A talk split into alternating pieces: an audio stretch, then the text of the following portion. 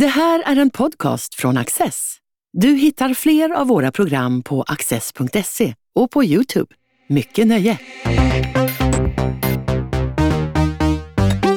I Filosoferna, vetenskaplig revolution och upplysning får läsaren stifta bekantskap med portalfigurer som Descartes och Spinoza och hur de bröt med det förflutna. Professor Svante Nordin är en av Sveriges främsta idéhistoriker och har skrivit åtskilliga verk om filosofins historia. Han samtalar med Adam Sveiman om hur hela den moderna världens tänkande uppstod. Svante, du har skrivit en bok om det är hundra års filosofisk historia. Det är i stort sett hela, hela upplysningen, liksom den tekniska revolutionen, eh, sekularism. Det är mycket på en och samma gång. Men allt det här tar ju avstamp i någonting och det är att fram tills din tideräkning, den här boken börjar någon gång på 1600-talet, så förhåller sig alla hela tiden till antikens filosofer. Det är så att säga grundbulten i så mycket av tänkandet. Varför har antikens filosofer så starkt, en så stark ställning fram till 1600-talet? Ja, man kan säga att det man menar med filosofi när man talar om filosofi under medeltiden eller under renässansen det är ju i allt väsentligt Platon, Aristoteles, Epikurus, stoikerna, skeptikerna. Det är de eh, antika filosoferna som definierar vad filosofi är. Och det märker man ju fortfarande. Det heter ju fortfarande filosofi som är grekiska. Eh, och eh, eh Platon eh, uppfinner filosofin. Eh, Aristoteles putsar lite på det och sen, där är det. Allt annat har bestått i att kommentera det Platon och Aristoteles sa. Den medeltida filosofin är kommentarer, renässansfilosofin är också kommentarer. Eh, väldigt mycket. Det låter ju lite grann som när, när en sån filosof som René Descartes liksom kommer fram och börjar, börjar liksom hans idé börjar spridas. Då är plötsligt sker det ett, ett sorts brott med det förflutna. Vad är det han introducerar? Vad är det som är så, så revolutionerande med hans tänkande som sen alla andra måste förhålla sig till? Ja, han upplever ju sig själv till att börja med som revolutionär. Han säger glöm allt det gamla det har inte någon relevans. Här kommer jag. Och jag börjar från början. Eh, han börjar från noll. Det finns ingen tideräkning före, före Descartes. Alltså han är en revolutionär, precis som franska revolutionen senare när de börjar med en ny tideräkning så gör, eh, gör Descartes eh, det och säger att de gamla filosoferna, Platon, Aristoteles och så, de förstod inte någonting riktigt och varför inte? Jo, därför att den nya filosofin, den som Descartes står för, det, det är den filosofi som utgår ifrån den nya naturvetenskapen. Descartes, eh, vi kallar honom filosof, men han, eh, ordet har ändrat innebörd. Han är li, precis lika mycket fysiker, han är lika mycket astronom, han är lika mycket matematiker. Hans, hans eh, insatser på alla de områdena är lika viktiga som hans insatser på det vi, vi numera kallar filosofi. Man kan säga att hans filosofi går ut på att röja väg för en ny fysik, en ny matematik etc. etc. Så det, han upplever det som en revolution eh, och han, eh, eh, han är eh, inte speciellt blygsam utan det är han som framförallt genomför denna revolution. För tidigare så har ju eh, även de antika filosoferna hade ju vetenskapliga idéer om vad består materia av, vad består människan av, vad är en känsla och så vidare. Men vetenskapligt, vad är det man förkastar i, de här gamla, i den gamla antika filosofin? Vad är det så att säga man slänger över bord och vad är det man introducerar istället? Ja, alltså den, den antika filosofin är ju detsamma som den antika vetenskapen. Man kan säga att fram till eh, in på 1800-talet så är ju filosofi och vetenskap det är ju, Eh, det är ju synonymer. Och när, när man förkastar då eh, filosofin hos Platon och framförallt Aristoteles så förkastar man den gamla vetenskapen. Det är den nya vetenskapen som kommer istället för den gamla vetenskapen. Så skulle man kunna uttrycka det. Om man ska peka på en punkt eh, där det sker en brytning så handlar det om ändamålsorsaker. Alltså Aristoteles hade ju menat att man skulle kunna tolka allting i naturen.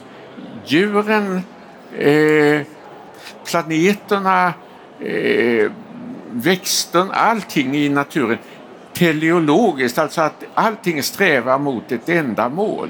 Allting är ändamålsenligt. Och han talade ju om eh, detta ändamål som ett telos och som den orörliga rör.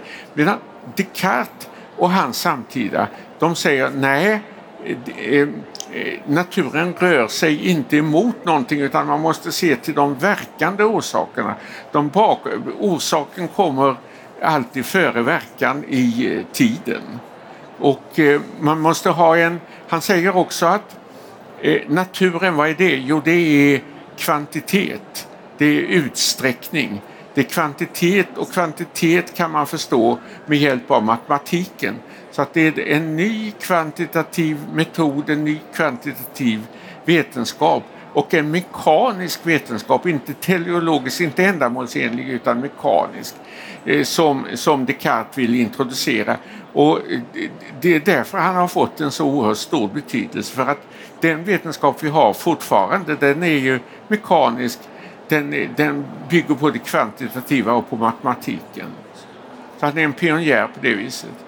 Jämte Descartes så har vi Baruch Spinoza. Det känns ju som att i nästan alla, alla filosofer efter Descartes och Spinoza under 1600-talet förhåller sig till de här två personerna. Antingen vill man närma sig dem eller så vill man hålla avstånd till dem. Och om, om Descartes förändrar synen på det kausala och vetenskapen, orsak och verkan, så förändrar Spinoza, eller utmanar i varje fall, synen på, på Guds roll i det hela. Vad är det han, kan du utveckla, vad är det han gör? Ja, Spinoza utgår ju från Descartes. Det är precis som du säger att alla senare filosofer utgår ifrån Descartes. Om de nu heter Spinoza eller Leibniz eller någonting annat så är det eh, Descartes skjuter startskottet för den nya eh, filosofin. Nu en, en sak som som var utmärkande för Descartes var att han sa att det finns eh, här är verkligheten två sorters substanser. Verkligheten består av två saker. Dels ande och dels materia. Dels själ och dels kropp. Dels tänkande och dels materia. Eh, Spinoza tyckte att det där, den där dualismen och motsatsställningen var otillfredsställande. Och han ville säga nej, så är det inte. Det finns bara en verklighet men man kan se på denna enda verklighet på två väldigt olika sätt. Man kan se det ur en synvinkel eller en annan synvinkel.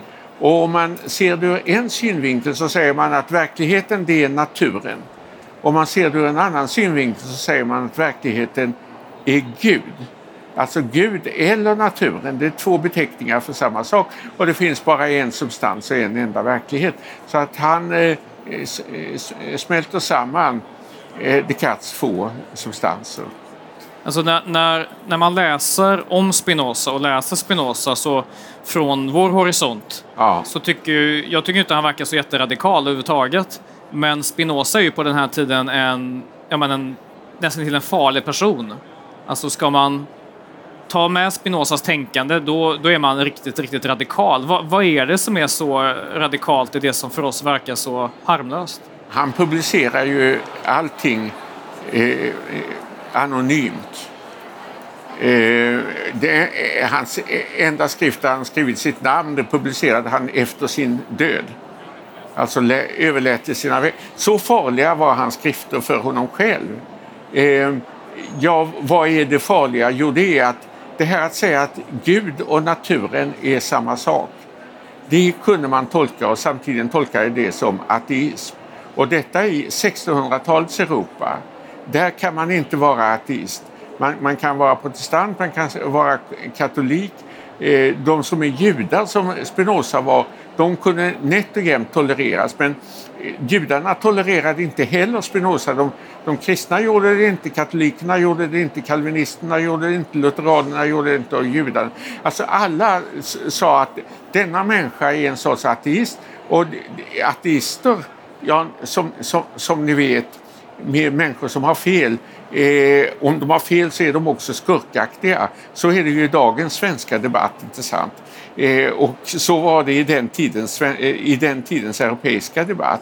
Att en ateist måste vara, eh, ja, ha alla onda egenskaper. Framförallt naturligtvis Eh, eh, sexuell vidlyftighet, vilket inte stämde in det minsta på Spinoza. Men man beskyllde honom för alla möjliga saker som, som inte hade någon sanning. Men man kunde inte tänka sig att en gudsförnekare var något annat än en skurk.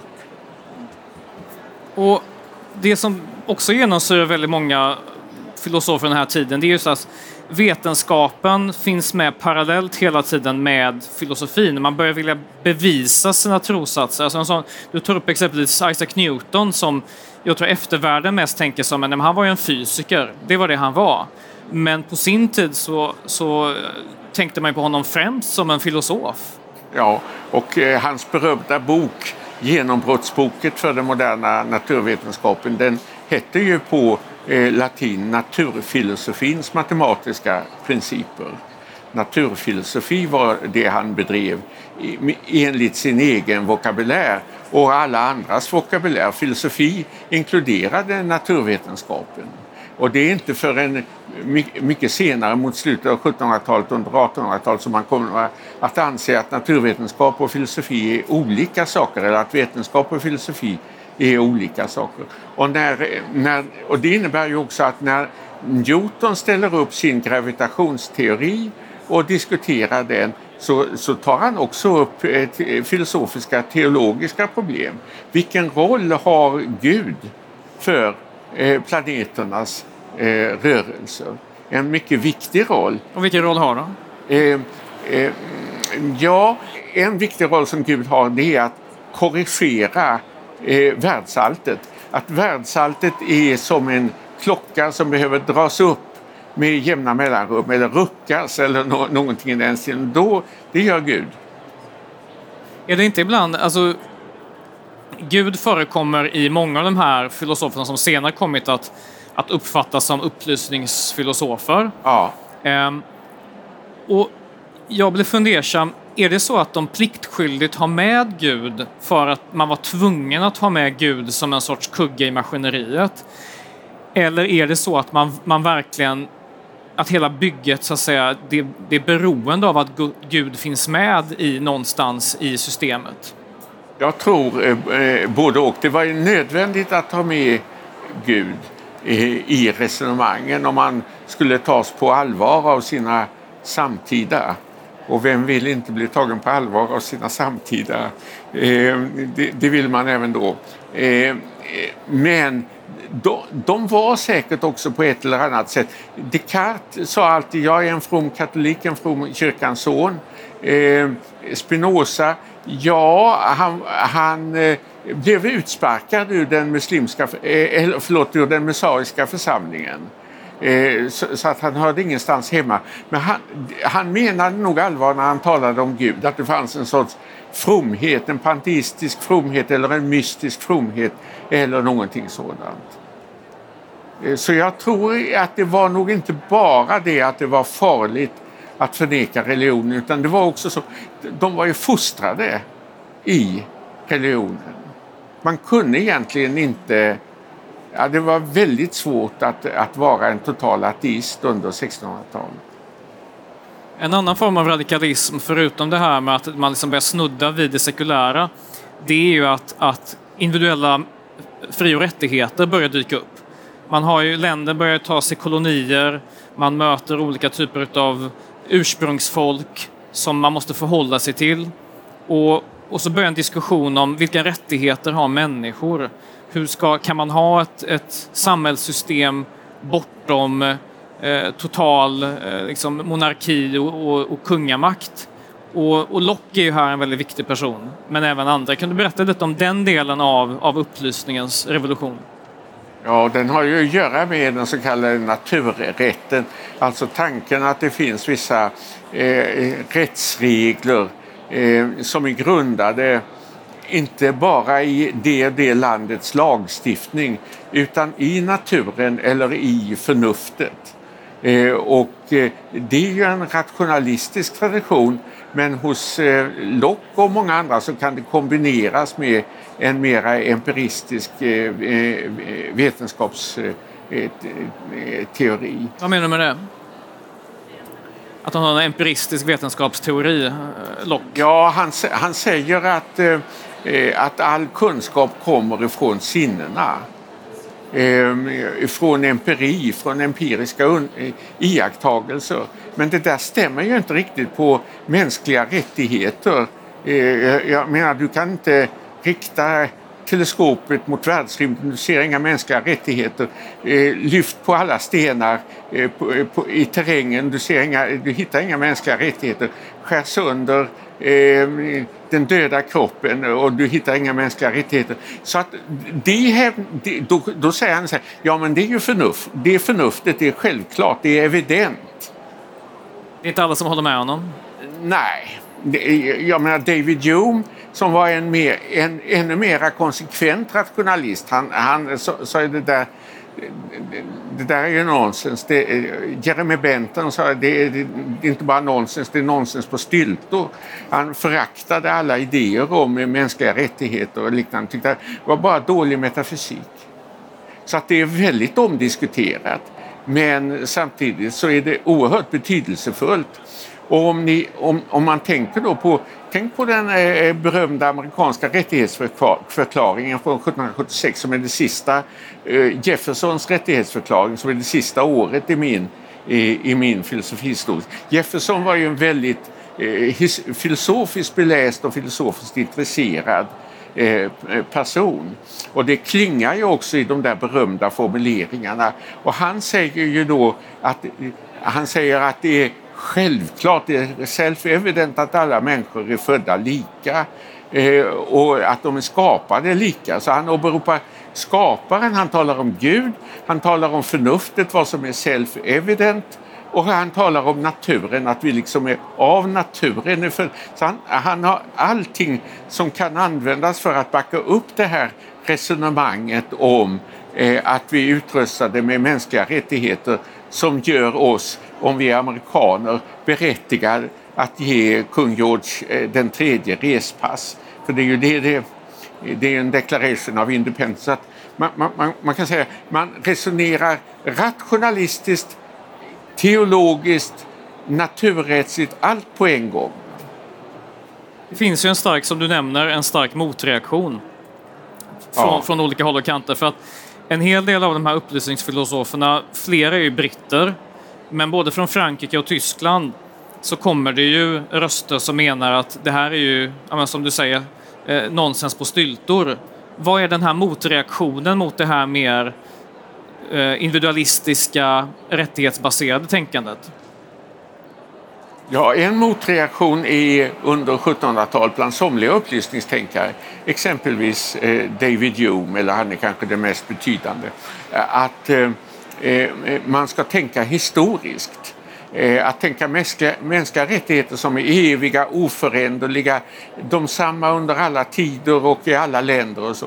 Det är ju inte att tänka historiskt. Utan, utan somliga som är mer empiristiskt Eh, inriktade, de säger att ja, varje tid har sina, sitt sätt att uppfatta människan. Varje land har sitt sätt att uppfatta människan. Eh, och, och någonting åt det hållet menar ju David, David Hume. Så att det bryts, rationalism och empirism bryts mot varandra under, eh, eh inte minst under 1700-talet. Det verkar ju ändå som att ju, ju, senare i boken man kommer, det vill säga man är inne på 1700-talet, så börjar det här tänkandet som Descartes och, och Spinoza och även Locke på sina håll öppnade upp för. Det, börjar få mer, det vinner mer och mer terräng, vilket vi ju ser till slut med, med självständighetsdeklarationen. Varför är det så populärt just då? Alltså varför vinner det terräng eh, över tid? Ja, eh, den nya naturvetenskapen, Newtons naturvetenskap, han fulländar ju, sammanfattar väldigt mycket av det som hade funnits tidigare hos eh, eh, Copernicus, hos Galilei, hos eh, Kepler och andra. Det når en sorts fulländning i den här boken om naturfilosofins eh, matematiska principer hos Newton. Och det, det kommer att bli mer och mer allmänt accepterat. Newtons bild av världen, hans gravitationsteori, det blir den nya vetenskapen och den går liksom oemotståndligt fram. Det är färre och färre, mer och mer ovanligt att någon förnekar detta.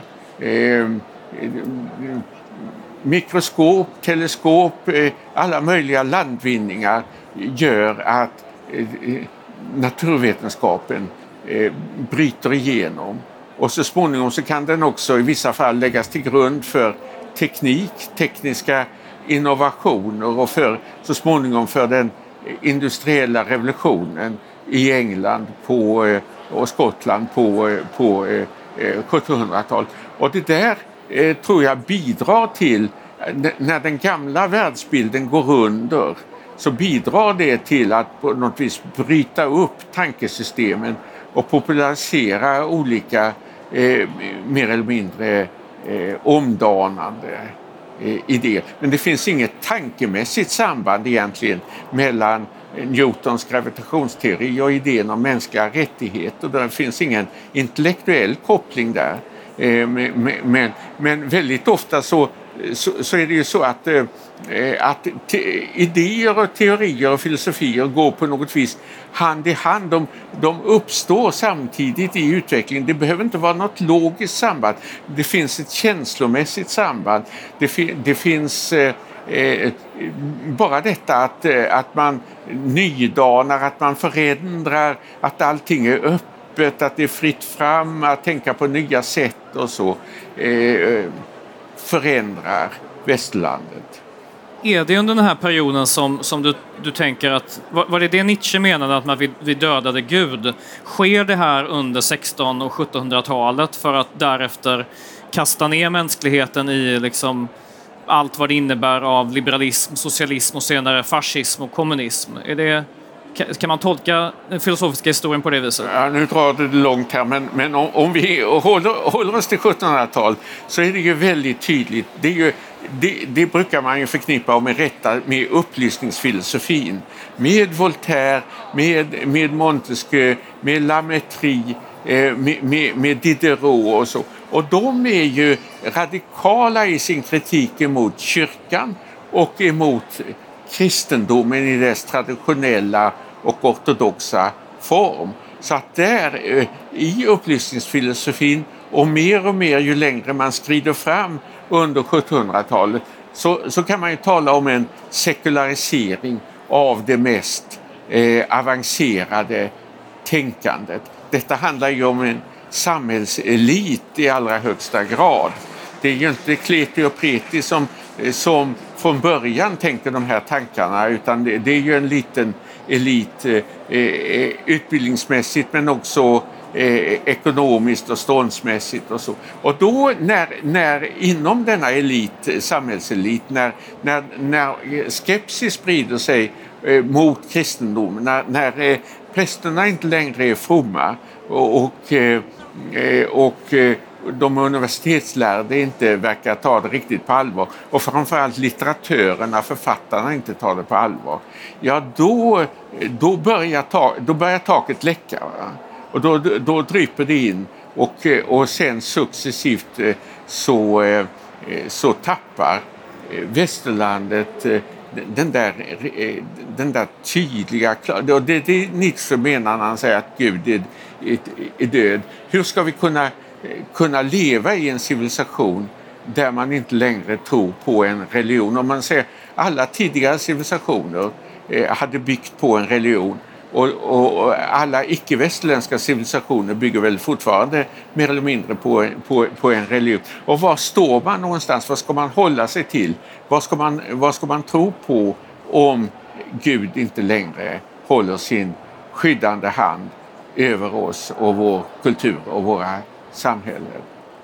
Det verkar ändå som att vi lever i Descartes, Spinozas och Locks tidevarv fortfarande i någon bemärkelse. De, de idéer som de börjar utveckla där, de, de vidareutvecklas ju och, och sprider sig, fördjupas. Och vi lever i någon mån med de idéer, på samma sätt som fram till 1600-talet så lever man med med antikens filosofer, med skolastikerna, så lever vi så att säga, i skuggan av de här personerna. Det, ja, så, kan man säga på det sättet? Så kan man se det och det gör jag väl rätt, rätt mycket. Att de, det är på något vis eh, det som kommer där med den vetenskapliga revolutionen under 1600-talet och de konsekvenser som filosofer drar av detta, det är början till moderniteten, till den moderna eh, tidsåldern och också början till det moderna västerlandet och sen kommer det ju en del av det där att sprida sig utanför västerlandet. Eh, men, men det, det, det, det börjar ändå, detta ifrågasättande, eh, det, det börjar där. Svante Nordin, tack så mycket. Tack ska du ha.